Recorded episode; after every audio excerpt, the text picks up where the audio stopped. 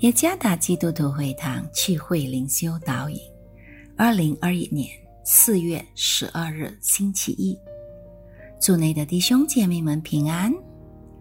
今天的灵修导引，我们将会借着圣经以弗所书第六章十四和十五节来思想今天的主题：真理与公义。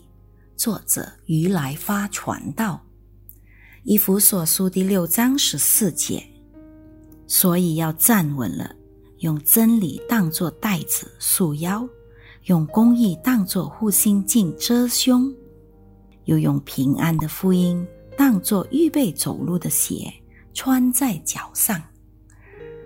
我曾在线上买裤子，透过线上买东西，其中一个缺点就是不能先试。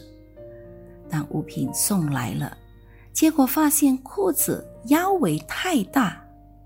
糟糕的，即使买过来的物品不能退换。但还好，我有紧腰带。紧腰带的用处就是要让这条太大的裤子在身上稳住，不要从腰部的位置上松脱。所以可以想象。如果没有带上紧腰带，走路时裤子一定会松滑下来，到时我是何等的难为情。今天神的话教导我们，以弗所书第六章十四和十五节，所以要站稳了，用真理当作带子束腰，用公义当作护心镜遮胸。又用平安的福音当作预备走路的鞋穿在脚上。真理即好像紧腰带，真理稳住我们要坚持在原本的位置上。位置的意思就是活出神的心意。进一步就是拿着信的当作藤牌。公益即是每一个人根据本身的能量和需要所领受的。没有真理和公益，教会便会产生分裂，分裂即将成为魔鬼攻击的弱点，而造成全面的混乱。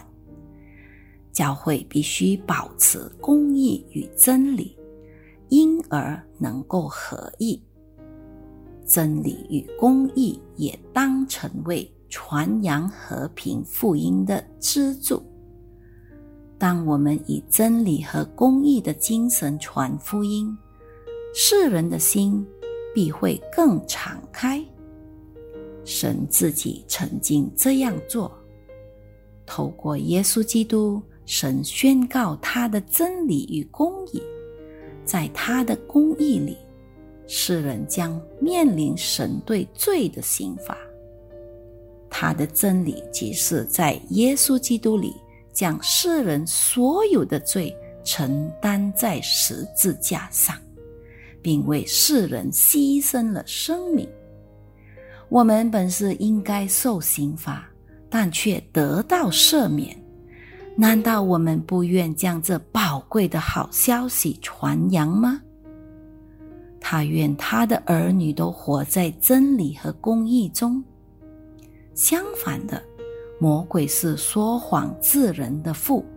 参看约翰福音第八章四十四节，他不喜欢真理与公义。我们成为上帝的儿女，必须在这属灵征战中得胜。神的国度必须要扩展。相反的。魔鬼的权势必须被消除。用什么方法呢？就是传福音，让多人相信主。相信神的人将能活出真理与公义。真理与公义必须在这个世界中被树立起来。基督的十字架象征着上帝的真理、正义。和爱，愿上帝赐福大家。